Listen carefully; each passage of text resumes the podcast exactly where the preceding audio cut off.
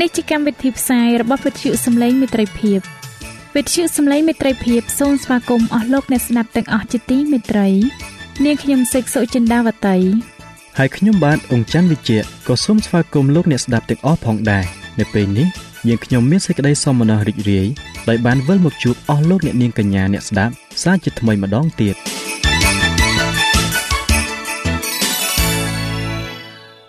ចា៎លោកអ្នកស្ដាប់ជាទីមេត្រី នាងខ្ញុំសូមគោរពអញ្ជើញអស់លោកលោកស្រី អ្នកនាងកញ្ញាតាមដានស្ដាប់កម្មវិធីផ្សាយរបស់វិទ្យុយើងខ្ញុំដូចតទៅ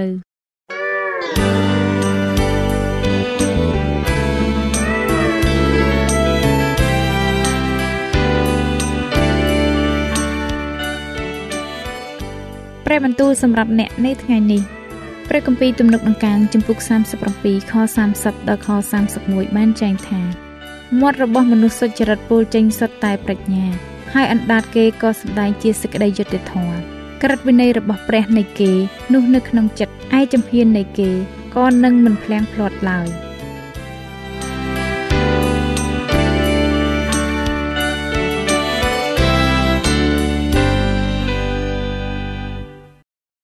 ជំរាបសួរអស់លោកអ្នកទាំងអស់គ្នាជាទីមេត្រីសូមស្វាគមន៍មកកាន់មេរៀនសបាស្គូលប្រចាំសប្តាហ៍ ដែលមេរៀនសម្រាប់ពេលនេះមានចំណងជើងថា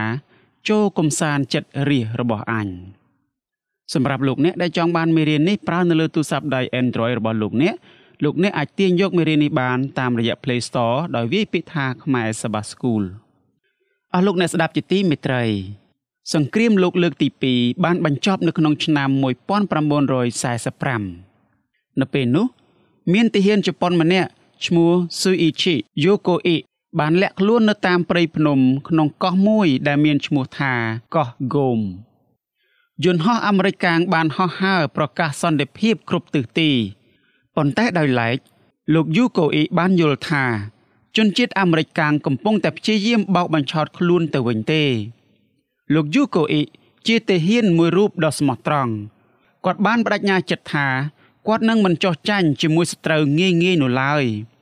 លោកយូកូអ៊ីមិនបានតាក់ទងជាមួយនឹងនរណាម្នាក់ឡើយគាត់បានរស់នៅពឹងផ្អែកលើអាហារដែលគាត់រកបាននៅក្នុងព្រៃតែប៉ុណ្ណោះគាត់បានរស់នៅយ៉ាងលំបាកលំបិនអស់រយៈពេលយ៉ាងយូរនៅឆ្នាំ1972មានអ្នកប្រមាញមួយក្រុមបានប្រទះឃើញលោកយូកូអ៊ីកំពុងតែស្ទូចត្រីក្រោយមកទើបជនជាតិជប៉ុនម្នាក់នេះ បានដឹងនៅការពិតថា សន្តិភាពពិតជាមានមែនរឿងនេះ គឺកើតឡើងរយៈពេល25ឆ្នាំក្រោយពីសង្គ្រាមលោកលើកទី2បានបញ្ចប់ទៅ នៅក្នុងអំឡុងពេលនោះប្រជាជនជប៉ុនរីករាយនឹងសន្តិភាពណាស់ប៉ុន្តែដោយភាពល្ងងខ្លៅលោកយូកូអ៊ីបានរស់នៅ ដោយភាពរងទុក្ខនៅក្នុងដែលគេកំពុងតែសប្បាយរីករាយជាមួយនឹងសន្តិភាពនោះ កាលពីរាប់រយឆ្នាំមុន ព្រះជាម្ចាស់ទ្រង់បានប្រកាសថាពេលវេលារងទុក្ខរបស់រាជទ្រង់បានកន្លងផុតទៅហើយ នៅក្នុងព្រះគម្ពីរអេសាយជំពូក40ខ1ដល់ខ2បានចែងថាចូលកំសាន្តទុករាជអញចុះត្រូវឲ្យលួងលោមចិត្តនៃក្រុងយេរូសាឡឹមហើយស្រែកប្រាប់គេថាគ្រាធ្វើសឹកសង្គ្រាមរបស់គេបានសម្រេចហើយអំពើទុច្ចរិតរបស់គេក៏បានអត់ទោសឲ្យតើនេះមានន័យយ៉ាងដូចម្ដេចអស់លោកអ្នកជាទីមេត្រី សម្រាប់ចម្លើយឆ្លើយទៅនឹងសំណួរនេះ គឺមានរហូតដល់3ចំណុចសំខាន់សំខាន់1 ព្រះជាម្ចាស់បានជ្រើសរើសជនជាតិអ៊ីស្រាអែលដើម្បីដាក់ទណ្ឌកម្មលើរាជរបស់ទ្រង់តែក្រោយមកព្រះអង្គក៏បានជួយសង្គ្រោះស្រុកយូដាពីពួកអាសឺដោយបានបំផ្លាញកងទ័ពអាសឺនៅឆ្នាំ701មុនគ្រិស្តសករាជដែលមានកត់ត្រានៅក្នុងព្រះគម្ពីរអេសាយជំពូក37ចំណុចទី2ព្រះជាម្ចាស់បានចាត់ពួកបាប៊ីឡូនដើម្បីមកដាក់ទណ្ឌកម្មដល់រាជរបស់ទ្រង់ពួកបាប៊ីឡូនបានរឹបអូសយកទ្រព្យសម្បត្តិ និងប្រជាជនពីស្រុកយូដាទៅដោយអំពើបាបរបស់ស្ដេចហេសេគៀស្ដេចហេសេគៀអង្គនេះបានបង្ហាញទ្រព្យសម្បត្តិរបស់ទ្រង់ដល់អ្នកនាំសារដែលបានបញ្ជូនពីព្រះចៅមីរ៉ូដាកបាឡាដាន ដែលមានចែងនៅក្នុងព្រះគម្ពីរអេសាយជំពូក39ចំណុចទី3ព្រះជាម្ចាស់បានប្រើប្រាស់ប្រទេសមួយទៀតដើម្បីដាក់ទណ្ឌកម្មដល់រាជរបស់ទ្រង់ លោកអេសាយបានកត់ត្រានៅរឿងរ៉ាវទាំងនេះនៅក្នុងព្រះគម្ពីរអេសាយចាប់ពីជំពូក14រហូតដល់ជំពូក23វាពិតជាគួរឲ្យចាប់អារម្មណ៍ណាស់ដែលយើងសង្កេតឃើញថាលោកអេសាយសរសេរពាក្យថាអាសឺរហូតដល់43ដងចេញពីព្រះគម្ពីរអេសាយនៅក្នុងជំពូក7ខ17ដល់ព្រះគម្ពីរអេសាយជំពូក37ខ6ប៉ុន្តែ យើងនឹងប្រទះឃើញពាក្យនេះម្ដងទៀតតែប៉ុណ្ណោះនៅក្នុងជំពូកឯទៀតនៃកាន់គម្ពីរអេសាយនៅក្នុងជំពូក52ខ4លោកអេសាយនិយាយអំពីស្រុកអេស៊ីបនិងស្រុកអាសឺលោកបានមានប្រសាសន៍ថា ប្រទេសទាំងនេះជាប្រទេសដែលធ្វើទុកបៀតបៀនដល់រាជរបស់ព្រះ នៅចុងបញ្ចប់នៃព្រះគម្ពីរលោកអេសាយក៏បាននិយាយរៀបរាប់អំពីរបៀបដែលព្រះនឹងរំដោះរាជរបស់ទ្រង់ពីនគរបាប៊ីឡូនដែរ ដែលមានចែងនៅក្នុងព្រះគម្ពីរអេសាយជំពូក43ខ14ជំពូក47ខ1និង48ខ14និងខ20ព្រះជាម្ចាស់បានជ្រើសរើសស្ដេចស៊ីរុសនិងជនជាតិពឺស៊ីដើម្បីវាយលុកក្រុងបាប៊ីឡូននៅឆ្នាំ539មុនគ្រិស្តសករាជស្ដេចអង្គនេះបានជួយរំដោះរាជរបស់ព្រះ ដែលមានចែងនៅក្នុងព្រះគម្ពីរអេសាយជំពូក44ខ28ជំពូក45ខ1និងខ13ព្រះគម្ពីរអេសាយពីជំពូក1រហូតដល់ជំពូក39បង្ហាញពីអ្វីដែលកើតឡើងតរៀងមករហូតដល់គ្រាដែលរាជរបស់ព្រះត្រូវបានរំដោះឲ្យមានសេរីភាពពីជនជាតិអាសឺនៅឆ្នាំ701មុនគ្រិស្តសករាជនៅដើមជំពូក40នៃកាន់គម្ពីរអេសាយនេះបានពិពណ៌នាហេតុការណ៍ រយៈពេល15ឆ្នាំ ទៅខាងមុខគឺដល់ឆ្នាំ539មុនគ្រិស្តសករាជជាពេលដែលបាប៊ីឡូនដល់ទីបញ្ចប់ ហើយពួកយូដាបានត្រឡប់មកវិញ បន្ទាប់ពីនោះមិនយូរប៉ុន្មានតើលោកអេសាយបានតបភ្ជាប់ការចាក់ចេញពីបាប៊ីឡូនហើយវិលត្រឡប់មកស្រុកកំណើតវិញ ជាមួយនឹងអ្វីដែលអ្នកបានអានពីមុននៅក្នុងកាន់គម្ពីររបស់លោកដែរឬទេ បើមានតើជាអ្វីទៅ ព្រះគម្ពីរអេសាយជំពូក39ជួយយើងឲ្យបានត្រៀមខ្លួនសម្រាប់ព័ត៌មានក្នុងជំពូកបន្ទាប់ជំពូក39បង្ហាញយើងពីអ្វីដែលនឹងកើតឡើងនាពេលអនាគតចំពោះជនជាតិយូដាបាប៊ីឡូននឹងចាប់យកពួកគេទៅឆ្ងាយនៅក្នុងព្រះគម្ពីរអេសាយជំពូក39ខ6និងខ7ព្រះគម្ពីរអេសាយជំពូក13ជំពូក14និងជំពូក21 បានបរិយាយអំពីការដួលរលំនៃទីក្រុងបាប៊ីឡូននិងសេរីភាពដែលកើតឡើងដល់រាជរបស់ព្រះដែលមានចែងនៅក្នុងព្រះគម្ពីរអេសាយជំពូក14ខ1ដល់ខ4ចូលក្រឡេកមើលនៅក្នុងខគម្ពីរទាំងនេះតើអ្នកបានឃើញនៅទំនាក់ទំនងដ៏ជិតស្និទ្ធជាមួយនឹងព្រះក្នុងខគម្ពីរអេសាយជំពូក40ខ1និងខ2ដែរឬទេ នៅក្នុងព្រះគម្ពីរអេសាយជំពូក40ខ1ដល់ខ2ព្រះបានសន្យាដល់រាជរបស់ទ្រង់ថា ទ្រង់នឹងបញ្ចប់នៅការរងទុក្ខរបស់ពួកគេព្រះគម្ពីរអេសាយជំពូក40ខ1ដល់ខ8បានចែងមកថាព្រះនៃឯងរាល់គ្នាទ្រង់មានព្រះបន្ទូលថាចូលកំសាន្តទុករាជអញចុះត្រូវឲ្យលួងលោមចិត្តនៃក្រុងយេរូសាឡឹមហើយស្រែកប្រាប់គេថា គ្រាធ្វើសឹកសង្គ្រាមរបស់គេបានសម្រេចហើយអំពើទុច្ចរិតរបស់គេក៏បានអត់ទោសឲ្យហើយគេបានទទួល សំណងមួយជាពីរពីព្រះហស្ថនៃព្រះយេហូវ៉ាឲ្យស្នងនឹងអំពើបាបគេដែរមានលឺសំឡេងមួយកំពុងតែស្រែកនៅទីរហោស្ថានថា ចូលរៀបចំផ្លូវសម្រាប់ទទួលព្រះយេហូវ៉ាចូលធ្វើឲ្យមានថ្នល់រៀបស្មើនៅទីស្ងាត់ថ្វាយព្រះនៃយើងរាល់គ្នាចុះឯគ្រប់ទាំងច្រកភ្នំនោះនឹងត្រូវលើកឡើង ហើយគ្រប់ទាំងភ្នំធំតូចនឹងត្រូវពង្រៀបទៅ នៅកន្លែងណា ដែលក្រលិចក្រលុកនោះត្រូវធ្វើឲ្យស្មើហើយកន្លែងណា ដែលរដេបរដប់នឹងត្រូវធ្វើឲ្យរៀបចុះនោះស្រីល្អនៃព្រះយេហូវ៉ានឹងសម្ដែងមក គ្រប់មនុស្សទាំងឡាយនឹងបានឃើញព្រមគ្នាត្បិតព្រះអស់នៃព្រះយេហូវ៉ាបានមានព្រះបន្ទូលហើយ មានលឺសំឡេងមួយ កំពុងតែថា ចូលប្រកាសចុះនោះមានម្នាក់សួរថា តើត្រូវឲ្យស្រែកថាដូចម្ដេចចូលថា មនុស្សជាតិទាំងឡាយប្រៀបដូចជាស្មៅហើយអំពើដ៏ល្អទាំងប៉ុន្មានរបស់គេក៏ដូចជាផ្កានៅទីវាលឯស្មៅក៏ស្វិតក្រៀមទៅ ហើយផ្ការុះរោយចុះដោយព្រោះខ្យល់នៃព្រះយេហូវ៉ាបក់មកត្រូវឯបណ្ដាជន គេពិតជាដូចស្មៅដែរ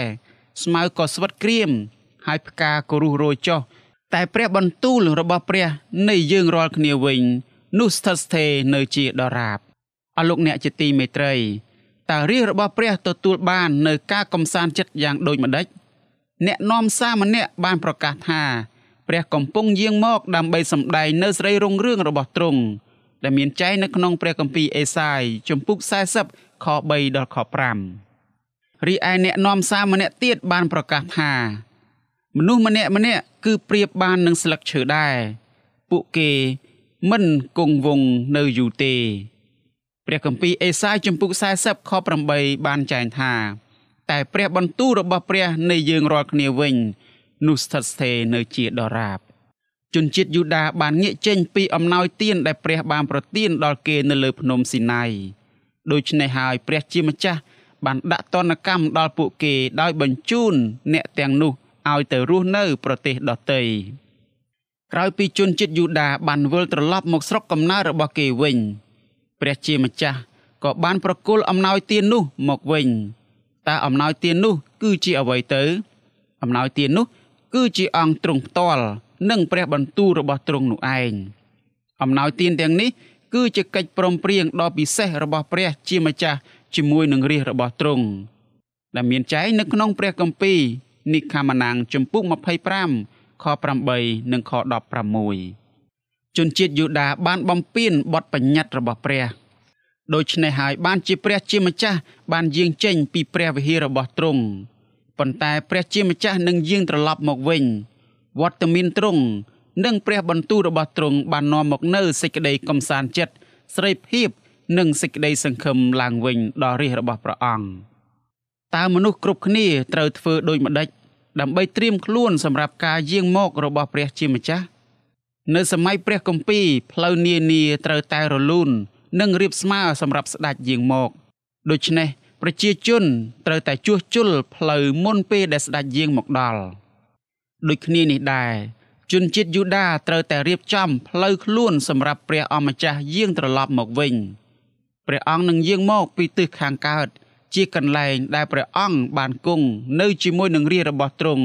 នៅក្នុងដែនដីថ្មី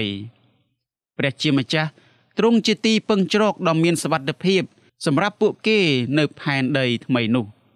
ព្រះគម្ពីរអេសេគៀលជំពូក11ខ16បានចែងថាហេតុនោះត្រូវឲ្យឯងប្រាប់ថាព្រះជាម្ចាស់យេហូវ៉ាទ្រង់មានព្រះបន្ទូលដូច្នេះទោះបើអញបានឲ្យគេទៅនៅឯទីឆ្ងាយ កណ្ដាលអស់ទាំងសះដតីហើយទោះបើអញកំចាត់កំចាយគេទៅគ្រប់ទាំងប្រទេសក៏ដោយគង់តែអញនឹងធ្វើជាទីបរិសុទ្ធដល់គេ នៅវេលាបន្តិច ក្នុងស្រុកទាំងប៉ុន្មានដែលគេត្រូវទៅនោះភ្នំដែលស្ថិតនៅភូមិខាងកើតក្រុងយេរូសាឡឹមគឺជាភ្នំទាំងឡាយដែលរដេបរដប់ណាស់គ្មានគ្រឿងចាក់ឈូសឆាយណាមួយ នៅលើផែនដីនេះ មានភាពរឹងមាំលំមដើម្បីរុះរើភ្នំទាំងនោះបានឡើយមានតែព្រះជាម្ចាស់មួយអង្គប៉ុណ្ណោះដែលអាចមានចេស្តាដ៏លើសលប់ដើម្បីធ្វើឲ្យដីរដេបរដប់ទាំងនោះคลายមកជាទីរៀបរលោងបាន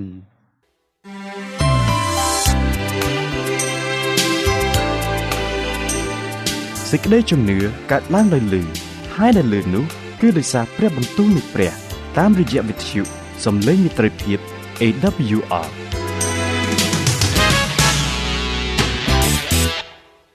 អស់លោកអ្នកជាទីមេត្រីព្រះគម្ពីរអេសាយជំពូក42ខ16ប៉ុន្តែព្រះជាម្ចាស់ទ្រង់មិនត្រូវការផ្លូវពិតប្រកបនោះទេព្រះអង្គមានបល្ល័ង្កដែលអាចហោះហើរបាននិងមានទេវតាដ៏សល់សែននៅជុំវិញព្រះអង្គព្រះគម្ពីរអេសេគៀលជំពូក1និងអេសេគៀលជំពូក9ដល់ជំពូក11 ព្រះគម្ពីរសញ្ញាថ្មីបានបរិយាយថា លោកយូហានបាទីសបានធ្វើកិច្ចការខាងឯវិញ្ញាណដើម្បីជួយប្រជាជនទាំងឡាយឲ្យបានត្រៀមខ្លួនជាស្រេចដើម្បីទទួលព្រះយេស៊ូវដែលមានចែងនៅក្នុងព្រះគម្ពីរម៉ាថាយជំពូក3ខ3លោកយូហានបានប្រកាសប្រាប់ដល់ប្រជាជនទាំងឡាយឲ្យងាកបែរចេញពីអំពើបាបរបស់ខ្លួន ដើម្បីទទួលបុណ្យជ្រមុជទឹកម៉ាថាយជំពូក3ខ2ព្រះគម្ពីរម៉ាកុសជំពូក1ខ4 ដូច្នេះផ្លូវប្រព្រឹត្តដែលមនុស្សត្រូវធ្វើដើម្បីត្រៀមខ្លួនសម្រាប់ព្រះយេស៊ូវគឺជាការងាកបែរចេញពីអំពើបាបរៀងរៀងខ្លួន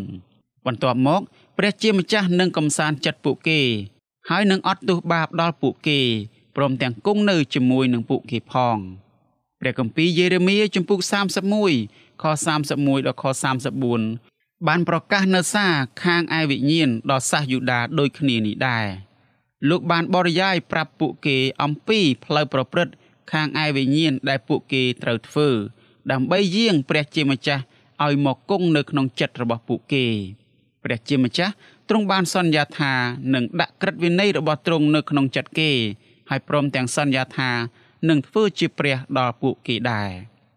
ព្រះគម្ពីរអេសាយជំពូក41ខ27និងព្រះគម្ពីរអេសាយជំពូក52ខ7 មានបរិះអ្នកនាំសារម្នាក់បានមកប្រកាសដំណឹងល្អដល់ទីក្រុងយេរូសាឡឹមនៅក្នុងខព្រះគម្ពីរអេសាយជំពូក40ខ9ក៏មានអ្នកនាំសារម្នាក់បានមកស្រែកប្រកាសសារនៅលើកំពូលភ្នំថាមើលណែនេះហើយជាព្រះរបស់អ្នកនៅក្នុងភាសាហេប្រឺបានសម្ដែងឲ្យយើងដឹងថាអ្នកនាំសាររូបនេះគឺជាស្ត្រីម្នាក់នៅក្នុងព្រះគម្ពីរទំនុកដំកើងជំពូក68 លួងដាវីតបានពោលសរសើរដំកើងដល់ព្រះថា ព្រះទ្រង់ប្រោសមនុស្សត្រមោចឲ្យបែកជាគ្រួសារឡើងទ្រង់នាំពួកឆ្លើយឲ្យចេញមកឯសេចក្តីចម្រើនព្រះគម្ពីរទំនុកដំកើងជំពូក68ខ6ស្ដេចដាវីតកំពុងតែពិពណ៌នា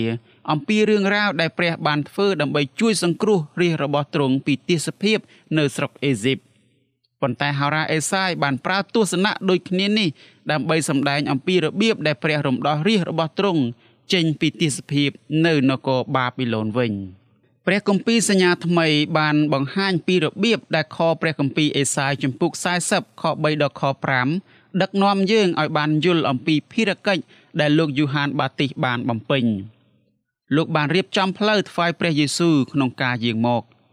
មុនពេលចំនួនលោកយូហានក៏មានអ្នកដទៃទៀតជាច្រើន ដែលបាននិយាយអំពីការយាងមក របស់ព្រះយេស៊ូវដែរលោកស៊ីមៀនហើយនឹងយាយអាន គឺជាបុគ្គលពីរនាក់ដែលបានជួបទីរក់ព្រះយេស៊ូវនៅក្នុងព្រះវិហាររឿងរ៉ាវរបស់លោកស៊ីមៀននិងលោកយាយអាន បានជួយឲ្យយើងនឹកភ្នែកដល់អ្នកនាំសារពីររូបនៅក្នុងព្រះគម្ពីរអេសាយដែលពួកគេក៏ជាបរិះនិងស្ត្រីផងដែរ ព្រះជាម្ចាស់បានសន្យានឹងលោកតាស៊ីមៀនថាគាត់នឹងមិនស្លាប់ឡើយរហូតដល់គាត់បានជួបព្រះយេស៊ូវព្រះយេស៊ូវទ្រង់ជាសេចក្តីកំសាន្តចិត្តនិងជាសេចក្តីសង្ឃឹមដែលព្រះជាម្ចាស់នឹងប្រទានមកដល់រាជទ្រង់ព្រះគម្ពីរលូកាចំពុក2ខ25ដល់ខ26ព្រះគម្ពីរអេសាយចំពុក40ខ9ដល់ខ11ក៏បានជួយយើងឲ្យយល់អំពីរឿងរបស់លោកយាយអានផងដែរ លោកយាយអានគឺជាអ្នកនាំសារដ៏ពិសេសដែលមកអំពីព្រះជាម្ចាស់គឺមានលក្ខណៈដូចគ្នានឹងស្ត្រីដែលនៅក្នុងព្រះគម្ពីរអេសាយជំពូក40ខ9ដែរ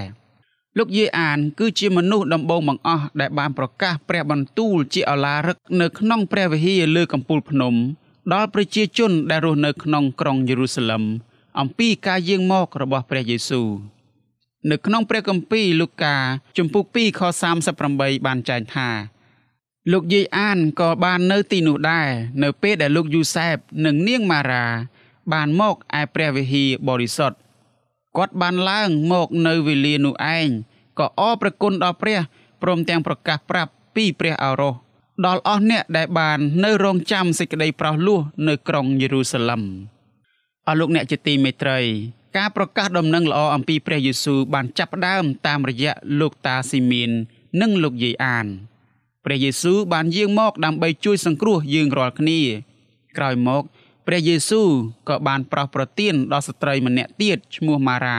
ម៉ាក់ដាឡាឲ្យបានធ្វើជាអ្នកនាំសារដំបូងបង្អស់អំពីការមានប្រជញ្ញរស់ឡើងវិញរបស់ទ្រង់ដំណឹងនេះគឺជាដំណឹងល្អស្ដីអំពីការរស់ពីសគត់ឡើងវិញរបស់ទ្រង់ដែលមានចែងនៅក្នុងព្រះគម្ពីរយូហានជំពូក20ខ17ដល់ខ18 នាងម៉ារ៉ាបានជួយផ្សព្វផ្សាយអំពីដំណឹងល្អនេះដល់អស់អ្នកដែលបានដើរតាមព្រះអង្គទាំងអស់ហើយពួកគេក៏បានចែកចាយសារនេះទៅគ្រប់ទិសទីនៅលើផែនដីបណ្ណកិច្ចរបស់ពួកគេបានជួយធ្វើឲ្យដំណឹងល្អនេះ បានទទួលជោគជ័យជាហូរហែសូមអ្នកអានព្រះគម្ពីរអេសាយចំពុក40ខ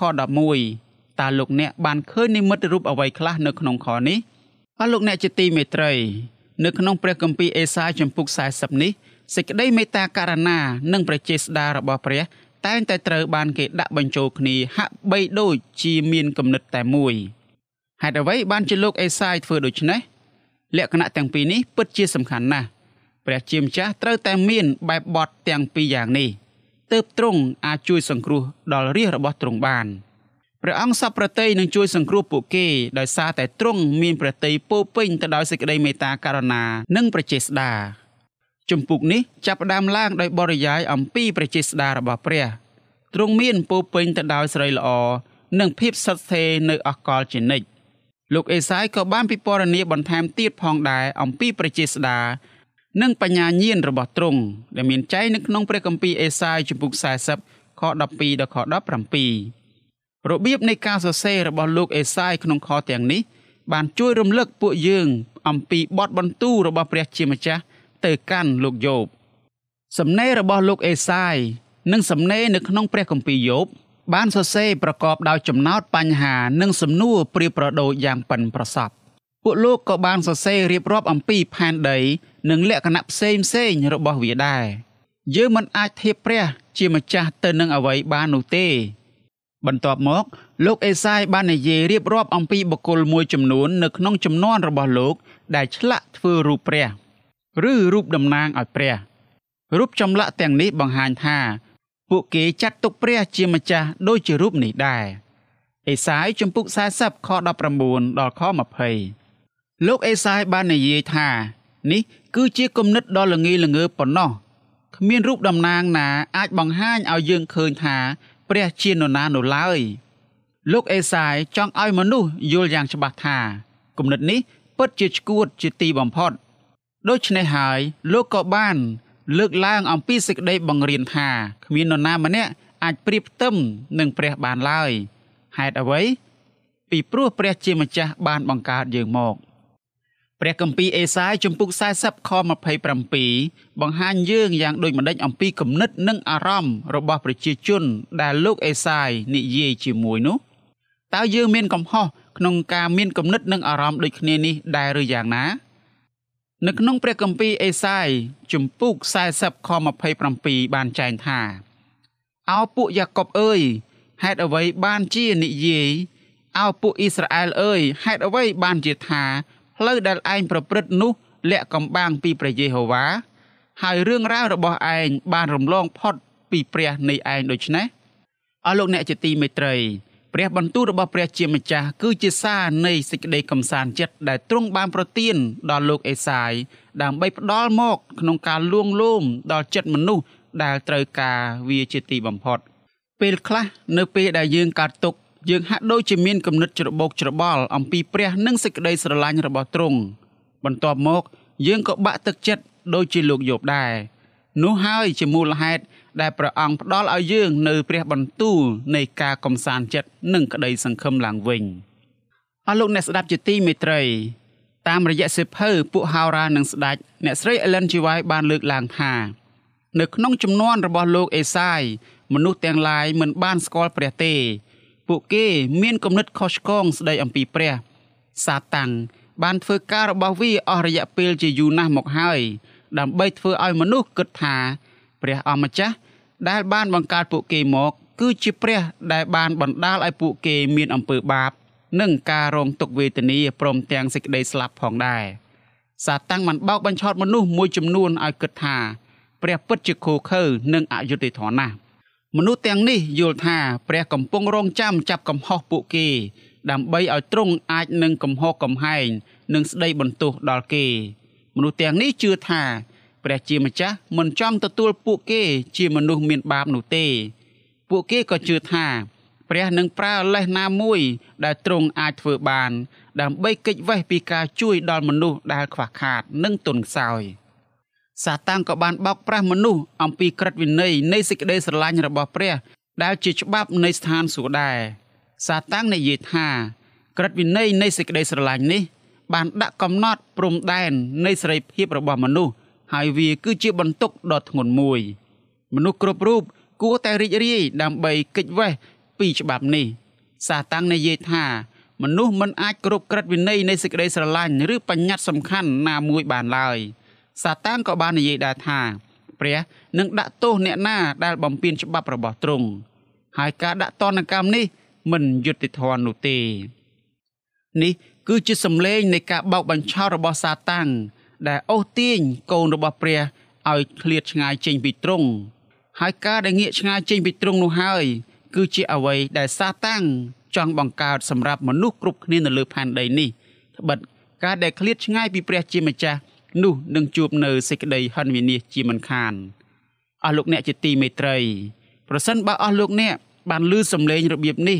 កំពុងតែអន្តងដល់អស់លោកអ្នកទាំងអស់គ្នាសូមលោកអ្នកប្រុងប្រយ័ត្នសូមឲ្យអស់លោកអ្នកបានងាកមករកព្រះអង្គវិញដូចជាខ្លឹមសារនៃមេរៀននេះបានក្រើនរំលឹកដល់អស់លោកអ្នករួចជាស្រេចមកហើយចូលឲ្យយើងបានរៀបចំផ្លូវចិត្តរបស់យើងថ្វាយទ្រង់យាងចូលមកគង់ និងដឹកនាំជីវិតរបស់យើងទៅកាន់សេចក្តីសុខសាន្តសូមលោកអ្នកចងចាំថានៅក្នុងគ្រប់កលៈទេសៈនៅក្នុងជីវិតទោះបីជាជួបនៅបញ្ហាដែលលំបាកមើលទៅហាក់បីដូចជាគ្មានច្រកចេញក៏ដោយតែសារនៃការកំសាន្តចិត្តរបស់ព្រះជាម្ចាស់ផ្ដល់ឲ្យអស់លោកអ្នកនូវក្តីសង្ឃឹមនិងជីវិតថ្មី នៅក្នុងព្រះយេស៊ូវគ្រីស្ទអស់លោកអ្នកជាទីមេត្រីសូមឲ្យមេរៀននេះបានជាប្រពោដល់អស់លោកអ្នកទាំងអស់គ្នា ជាចុងបញ្ចប់នៃមេរៀននេះខ្ញុំសូមលើកយកនៅខព្រះគម្ពីរមួយជូនដល់អស់លោកអ្នកទាំងអស់គ្នាជាចំណងដៃដែលមានចែងនៅក្នុងព្រះគម្ពីរអេសាយជំពូក40ខ9ដែលបានចែងថាអោអ្នកដែលនាំដំណឹងល្អមកដល់ក្រុងស៊ីយ៉ូនអើយចូលឡើងទៅប្រកាសប្រាប់ពីលើភ្នំខ្ពស់ចុះអោអ្នកដែលនាំដំណឹងល្អមកដល់ក្រុងយេរូសាឡឹមអើយចូលបន្លឺសំឡេងឡើងជាខ្លាំងចូលបន្លឺឡើងកុំឲ្យខ្លាចឡើយ ចូលប្រាប់ដល់ទីក្រុងនៃស្រុកយូដាទាំងប៉ុន្មានថា មើលណព្រះនៃអ្នករាល់គ្នាសូមឲ្យខព្រះគម្ពីរនេះ ជាដំណឹងល្អដ៏ពិតប្រាកដដែលកំពុងតែលឺដល់ត្រចៀករបស់អស់លោកអ្នកទាំងអស់គ្នាហើយសូមឲ្យអស់លោកអ្នកបានទទួលយកសារនៃសេចក្តីសង្ឃឹមនេះដោយអំណរសូមព្រះជាម្ចាស់ទ្រង់ប្រទានពរអាមែន